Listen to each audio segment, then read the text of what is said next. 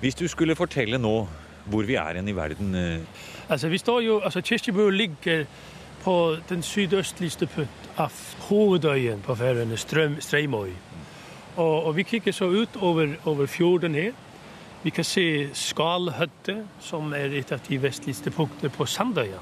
Vi ser hele Sandøya foran oss som en lav og veldig eh, vennlig natur. Og går vi så lenger mot vest, har vi bak ruinen der, ja. ruinene, Og ja, som ligger der, som reiser seg litt høyere opp. Og det er Ja. grønt skjær over det hele. Da har vi så denne her veldig eh, karakteristiske øyformen av øyen Koltur. Spisshøye øy er det. ja.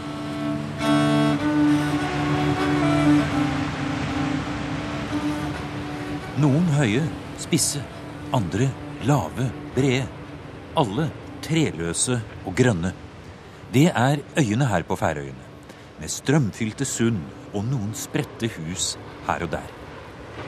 Riksantikvar Simon V. Arge har tatt oss med til Kyrkjebø. Som navnet sier, det urgamle kirkestedet her på Færøyene. En majestetisk middelalderruin. Vegger med gotiske vindusbuer, ikke tak over. Kloss inntil en bondegård som ligger på tuften av den en gang så mektige bispegården, som også lå her. Það mælti mín móðir að mér skildi kaupa? Fleir og fagrar árar. Halda á brott með vikingum standa upp í stafni. Stýra dýrum knerri. Halda svo til hafnar og höggva mann og annan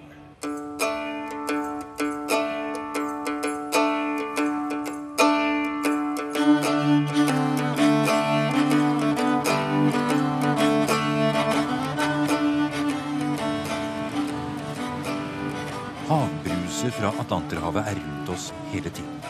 Og vi står og snakker om hvordan det må ha vært for de aller første som kom over havet fra Norge for å bosette seg her på 800-tallet. Simon Arge mener de må ha valgt øya på den andre siden av sundet ved Kyrkjebø. Ja, og det er jo basert på noen funn vi gjorde for et par år siden i bygden Sandur. Vi står her i Kyrkjebø og ser direkte syd på, uh, på eh, Sandøyen, hvor vi ikke bare har funnet eh, rester av, av bebyggelse, selve bebyggelsen, men også fem av den nåværende kirkes forgjengere.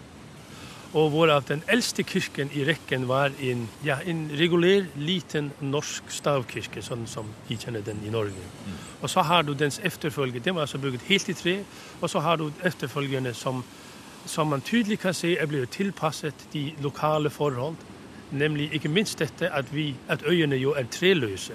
Det vokser jo ikke bygningstømmer her på øyen. Så de tømmer som man har anvendt har nok i hovedsaken, i hvert fall i den første tid bebyggelsen, har vært eh, basert på drivtømmen.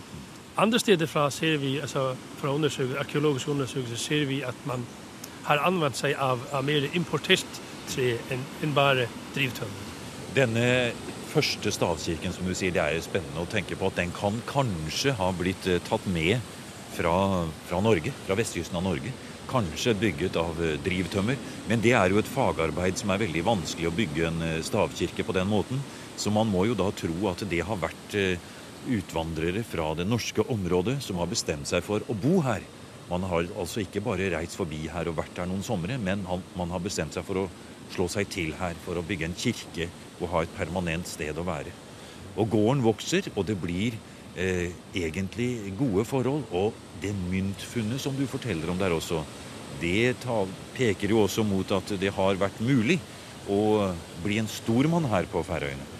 Altså nettopp uh, bygden Sandur er jo karakterisert ved at der har du faktisk de beste uh, landbruksjordene her på øyen. Og, og, og hvis vi så ser på tilbake i, i 800-tallet, hva ville disse menneskene her på øyene? Altså, det er ingen tvil for meg at det har vært landbruket som har vært det primære de kom efter. Og da er, er Sandur vel nok et av de, de beste stedene. Ja, hvis du skulle Du sier at vi vet ikke helt sikkert hvem det var som eh, bygde disse kirkene, hvor de kom fra. Men hvis du skulle gi deg ut på en eh, spekulasjon her Det kan jo godt ha vært eh, mennesker som kom ut fra vestkysten av eh, Norge, f.eks., og reiste over her i tidlig, tidlig vikingetid. Jo, men altså, det er så mange vitnesbyrd om at, eh, at uh, den tidlige befolkningen her på øyene stammer fra, fra vestnorske områder. Så det tror jeg slett ikke er noen tvil om. Men, men hvorfor, hvem det kom her først, det er jo, kan vi jo ikke si annet enn enn hva Færingesagaen, som jo er et, et kompilasjonsarbeid, som det heter, altså sammansättningen av flera forskliga texter eh funnet forskliga i forskliga andra sagar som man har satt samman till ett verk som man kallar för för Färingesagan. Men det är ju texter från från 1200-talet. Eh den säger ju att att den första mannen som kom hit hit hette Grymur Kamban. Alltså och det är ju igen ett ett keltiskt namn Kamban som betyder lam, att mannen var lam. Men eh men uh, hvor man, hvorfor man nettopp kom hit til Kyrkjebøver, det, det kan man selvfølgelig spekulere på. Det var jo ikke så mye å komme hit efter for å plundre, for eksempel. Fordi um, vi mener at øyene var, var folketomme. Det tales om måske har det vært en, en bebyggelse av uh, iske eneboere her. Forut for, for vikingetiden, forut for den norrøne ekspansjonen. Det er, en, ting som vi kjenner veldig, veldig lite til. Vi har i hvert fall ikke noen arkeologiske beviser på, på denne iske, eh, såkalte iske bebyggelsen. Så la den ligge. Men det som jeg mener folk har, har sett som en mulighet eh, for å skape seg en tilværelse her, har vært eh, landbruksmulighetene, og selvfølgelig også det som kunne finnes langs kyster. Eh, her tenker jeg på, på sel og val, og hva det ellers måtte være i havet, klart. Da. Så det har vært en, en utnyttelse av de naturlige ressurser som måtte være her. Og så passer det kanskje et norrønt lynne godt å, å, bo her, for det er mange små øyer som ligger relativt nært inntil hverandre. Her kan man ha i og for seg kontakt, men også ha hvert sin egen øy å bo på. Eh, og så kom man fra disse forskjellige stedene akkurat hit som vi går nå når man skulle til kirke. Du har jo fortalt at det fantes flere andre kirker her også, men dette var selve erkebiskopens sted. Her var det viktigste kirkestedet. Og nå har vi kommet helt bort til eh, stenmuren her rundt den hvite stenkirken som ligger her. Og når vi ser over kanten her nå på, på eh, kirkegården, så ser vi at her ligger det en del eh, graver rundt omkring, men mange flere graver har det nok eh, vært når kirkegården gikk lenger utover og området var større. Og beveger vi oss utenfor selve kirkegårdsområdet her, mot vest, da finner vi et, et område som heter Adunga, på Dyngen. Altså. Og, og her ble det også gravet i midten av 1950-tallet, og funnet uh, omfattende levn etter tømmerbygninger igen tømmerbygninger etter ja, De kunne ha vært i en, i en eh, norsk uh, by, altså som en norsk bygravning. Store tømmerhus. Og det er funnet uh, et gjenstandsmateriale som også klart indikerer at, at her på stedet hadde boet, skal si, folk av sosialt høyt nivå. Blant annet kan jeg forrest, forresten fortelle at man fant vel nok et av de største kleberstenskar som er funnet i Norden, med en diameter på opp til heter det, 75 cm. Så det er et veldig spennende område. Og det som jo slår oss når vi står her nå og ser denne gamle, sorte, laftede trebygningen og den kirken, den hvite kirken som fortsatt er i bruk, helt kloss inntil her. Og bare noen få meter lenger bort så ser vi altså ruinen av den eh, gotiske kirken. Eh, og det ligger veldig nært innpå hverandre. Og, og hvis vi helt, snur oss lenger opp, så, så reiser altså eh, den eh, fjellveggen seg bak oss her på, som stiger opp. Og der har det også vært et ras, som du sier. Men det som vi merker oss, er jo at vi får så nært forhold til naturen her. Det er det jo overalt her på Færøyene, selvfølgelig. Men havet bare noen få meter fra oss, den store fjellveggen som reiser seg opp bak der. Og på en måte naturkreftene som kommer inn. Også denne voldsomme, store stenkirken, den gotiske stenkirken som på en måte tar imot for naturkreftene. Eh, og den ble bygget her for å videreføre dette første kirkestedet. Og når ble den påbegynt, tror du, Simon? Igen så vender vi tilbake til eh, biskop Erlendur. Fordi eh, vi kjenner også noe til Erlendurs bedrifter fra hans eftertid. Johannes Teutonicus, som var biskop her i første halvdel av 1400-årene, han gjorde forsøk på å opphøye Erlendur til eh, færøysk helgen. Han sier at, eh, at Erlendur var den første som begynte å bygge eh, bygninger og kirker i stein her på stedet. Ja. Så det kan være at, at det var Eilunder som påbegynte byggeriet en gang, kanskje før 1300, altså i slutningen av 1200-årene.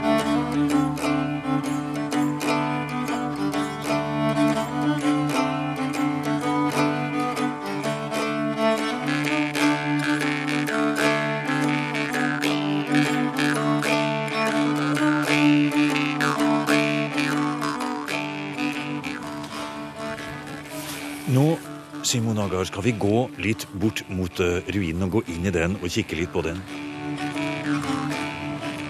Her ligger de to gjeterhundene og vil gjerne ha oss med til å leke. Det blir bare fint. Stopp Det vi står ser foran nå, det er en mur som er vel, ja Er den ca. Den er ni meter høy. 8-9 meter høy? Meter, ni meter høy, ja. Så murene står stort sett eh, bevart i full høyde. Ja. Så har det vært da et tretak over her som nå selvfølgelig er borte. Hvis vi går inn her nå, så ser vi at vi kommer inn her gjennom en port. Det er jo som en ruin her nå. Og her er en veldig høy, flott portal vi skal inn gjennom her. Dette er jo en portal, som du sier, men, men dette er jo ikke en dør. Nei. Men det er en åpning som har ledet inn fra i et tårn ja. som har stått her, stått her. vest eh, ved kirken, og som er totalt borte i dag. Men du kan se i selve eh, veggene oppover kan du se eh, rester av, eh, av eh, tårnet som er blitt nedbrutt. Du kan se disse åpne sårene i, ja. i veggene. Der har tårnet stått, ja. For ja. vi ser at det er en helt annerledes stensetting der, et, eh, litt inn fra veggen. Så vi, vi, vi, står egentlig inne i den opprinnelige kirken vi nå, selv om den nå er borte. Vi er inne i tårnrommet og, inn, og skal inn i selve kirkerommet. Selve ja. Og her inne i kirkerommet i dag, som vi nå går inn i Vi har stadig med oss disse eh, gjeterhundene som følger med oss, går i bena på seg. Ja, så, så. Så når vi kommer inn her, så er det ikke en gudstjeneste som foregår, men det er restaurering. Vi hører en sånn et, et eh, heiseanordning som går opp og ned her nå med håndverkeri.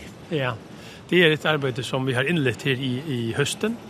Uh, hvor vi gjør et forsøk at uh, et forsøk med en, en vindskjerm som vi på museet har utarbeidet. Og som sagt, dette er, første, de første fagene som vi har satt opp for uh, la dem stå oppe her vinteren over for å se hvordan denne konstruksjonen arter seg.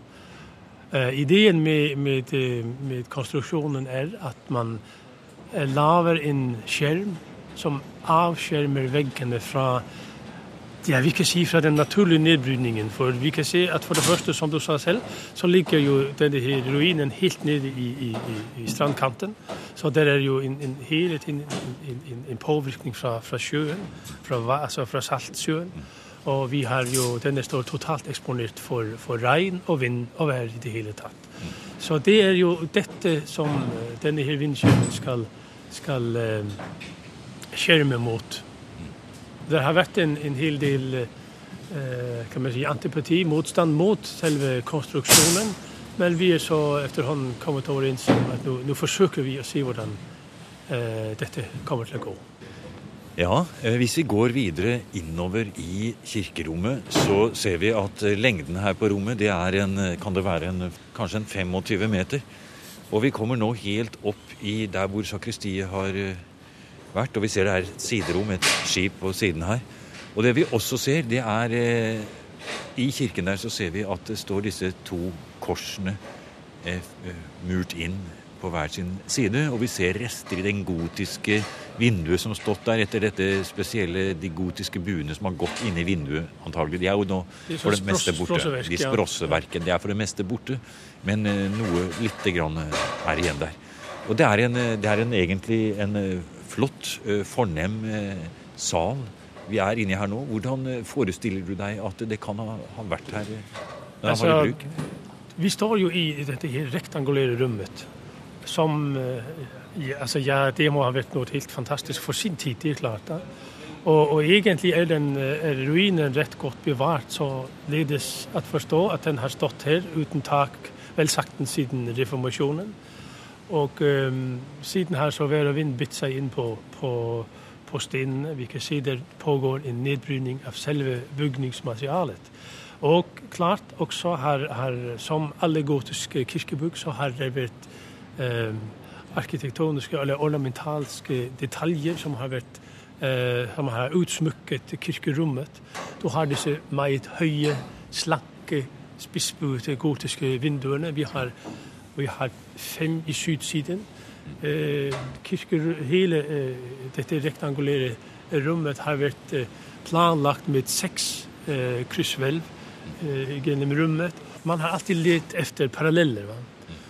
Ofte har man eh, sammenlignet eh, dette byggverket med koret i Stavanger domkirke, som jo brente i var det 1272, tror jeg det var.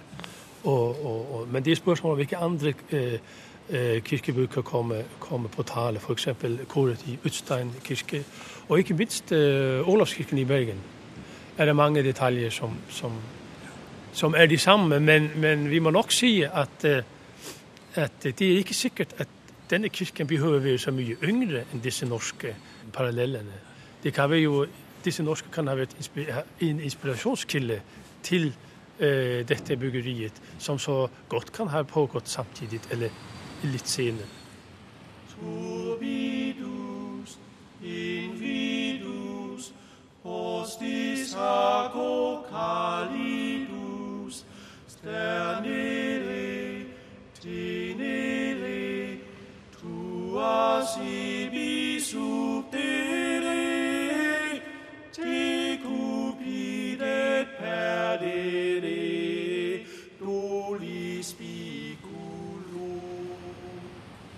går vi inn i et av siderommene her. Her er det et lite rom ved siden av et slags sakristi her som vi kommer inn i. Og her ser vi også spor etter buegangen opp på, på veggen her. Du ser også store flater med, med originalt puss bevaret. Ja. Og, og nå sier du sakristi. Det kan ha vært et kapell også. Fordi eh, man har gravet i gulvet her og uh, funnet fundamentene til et uh, alter like under uh, vinduet i øst her. Vi ser at det er mest sauene som holder til her nå. Det er jo på en måte historiens gang i det også. At ruinen står der, og elementene gjør sitt arbeid. Sauene kommer inn, sover her om natten kanskje. Og det er kanskje da rart å tenke på at uh, her var vel kanskje et av de aller helligste rommene i hele Magnus-katedralen. Vi blir fylt av en form for historiefølelse også når vi står inne i en sånn uh, ruin som dette, Simon. Ja. Og man kan si at, eh, at eh, man har jo veldig tidlig uh, fått interessen for, for historien her på stedet. Av at man har jo haft disse her Ja, dette er jo det eneste stedet på Færøyene hvor vi har haft, eh, eller har fortidsminner av monumental karakter. Fordi eh, generelt vil jeg si at den færøyske forhistorien den ligger godt skjult eh, under bakken. Altså. Men her kan du faktisk vandre imellom fortidsminnene. Og, og, og egentlig syns jeg vi kan nevne det at, at Magnus-katedralen her var jo et var blant de aller første eh, monumentene som ble fredet, sammen med f.eks. monumentene i Gjelling i Danmark. Ja, som, altså høyene, høyene Ja. kongshøyene der. Eh, Du nevnte jo dette Skal vi gå ut av kirken litt? Du nevnte det, Simon, at eh, man har historieinteresse her. Og faktisk er det jo slik at eh, de som bor her i dag, som du har fortalt meg, de er 16. generasjons etterkommere av de som har, som har bodd her. Eh, Så historiefølelsen og eh, stedsfølelsen er sterk her. Ja, den er meget sterk, ja. Den er, den er så sterk at eh, ja, altså, et sted som dette, det er klart, de taler til, til folks bevissthet, og derfor så, så skaper det også grobunn for mytedannelse. Ja. Og, og, Og en sånn mytedannelse det er jo bl.a. tilblivelsen her av kirken og hvordan, hvem som er eldst osv. Men nå er det en annen mytedannelse jeg vil snakke litt med deg om her. For nå har vi kommet ut på utsiden igjen her av eh, kirkeruinen. Her ser vi håndverkerne sitter oppe i stillinger de har oppe i vinduene og skrur inn og reparerer og gjør klart denne som skal beskytte kirken. Men når vi går bort her og ser her, så er det en eh, Det er ikke biskop Erlend, men det er en veldig sagnomsust eh, norsk konge som virkelig skapte røre i Norge. Det ble borgerkrig, og jeg snakker selvfølgelig om kong Sverre. Hvor kommer han fra her inn i bildet her, vil du si, Simon? Ja, han har jo også slått sitt navn fast her i Kirkebøl, og det sies jo han var født her. Eh, en annen fortelling går jo på at hans mor kom hit med ham, denne her lille Sverre, som jo var liten dreng, for at gemme bort ham. Og det kunne jo være et fint sted å gjemme bort en eh, kanskje mulig kongsarving her i denne, Ja. dette maktsenteret som det jo var her. Ja. Og der borte, vi kan Ja, kikke opp i, for nå står vi ute med sirkelen, og det er altså sola skinner over her. Fuglene fagrer, og vi ser opp mot fjellskråning bak oss her nå. Der har vi jo et, Ja. eh, et sted som blir utpekt som Sverres håla. Og det var der Sverre skulle bli gjemt, hvor hans ja. mor eh, gjemte ham. Kan vi se den herfra, tror du? Det burde vi, fordi den er markert med en eh, pinn. Det burde vi gjøre, du. Men, men eh, hvis vi så går... Jo, der oppe ser det røde merket på Ja, fjellet der. nettopp, der er Et rundt rødt er merke i fjellet. det, ja. Rett opp for oss her. Ja, der er. Der oppe er altså Sverreåla, ja. Og- og- Der skulle han ha vært gjemt, ja. Ja, ja. men, men igjen dette med mytedannelser. Altså. Da eh, en eh, dansker som het Hosse Lyngby, som egentlig var prest, men han skulle opp til Færøyene for å studere tangplanter i 1817. Da fikk han beskjed på fra uh, Old Nordisk Museum om å se etter uh, ruiner og hva han ellers kunne støte på. Og han var her i Kirkebø i 1817. Kjente godt til, til sagnet om kong Sverre og Kyrkjebøver og hans mor og, og, og biskopen her på stedet. Uh, men uh, på det tidspunktet var det ingen som kunne utpeke Sverre håla. To år etter reiser en dansker som heter eh, Vargas Bedemar. Han var mineralog, som også gjorde en reise til Færøyene. Og han kommer også til Kyrkjebøver og skal også se på domkirkeruinen osv. Også han spør etter Sverres håla. Da kunne man klart utpeke Sverres håla. Så jeg mener, vi skal også passe litt på altså, hvor, hvor hurtig Ja, for dette er jo folklore. Det Dette er, eh, dette er ting som eh, man kan si blir til gjennom historien, fordi at historien om Sverre blir så dramatisk i Norge. eh, Og da vil man gjerne ha et sted å feste denne fortellingen til, og så lager man denne historien om at der oppe i fjellet like bak oss, der skulle han egentlig vært Og, gjemt. og der har det ligget siden i hvert fall. Ja. Har du vært der oppe i Sverre Såla noen gang, eh, Simon? Nei, du har ikke det? Aldri. Men det sier vi ikke høyt. Det tør jeg ikke. Det må jeg ta.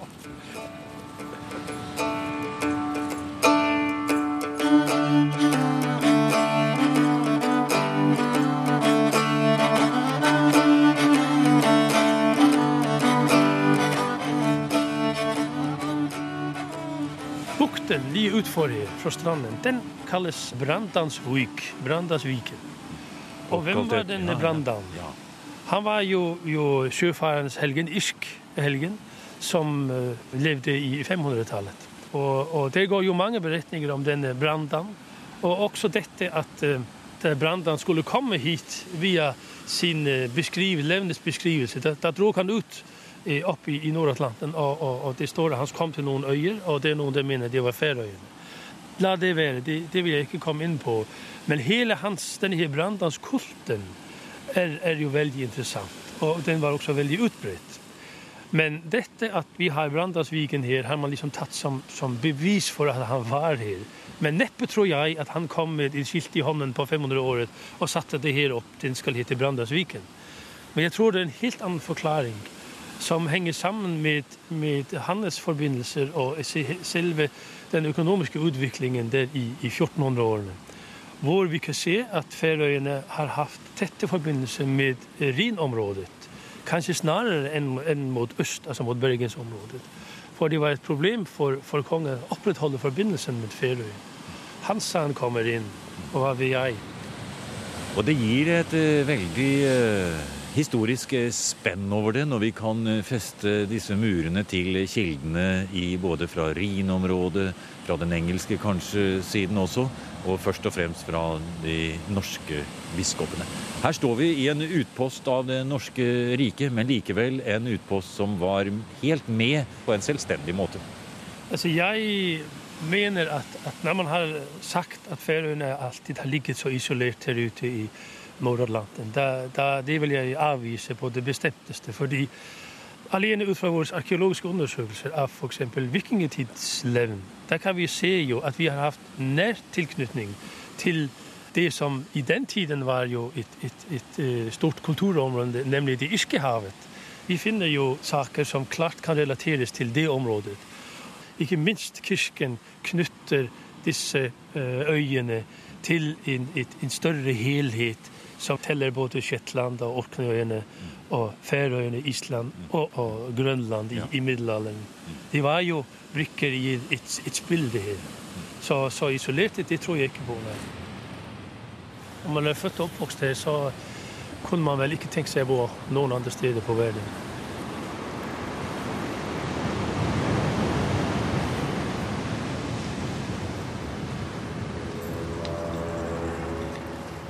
Du har nå hørt programmet Museum som podkast fra NRK. Museum sendes i NRK P2 på lørdager og søndager. Du finner flere programmer på nrk.no podkast.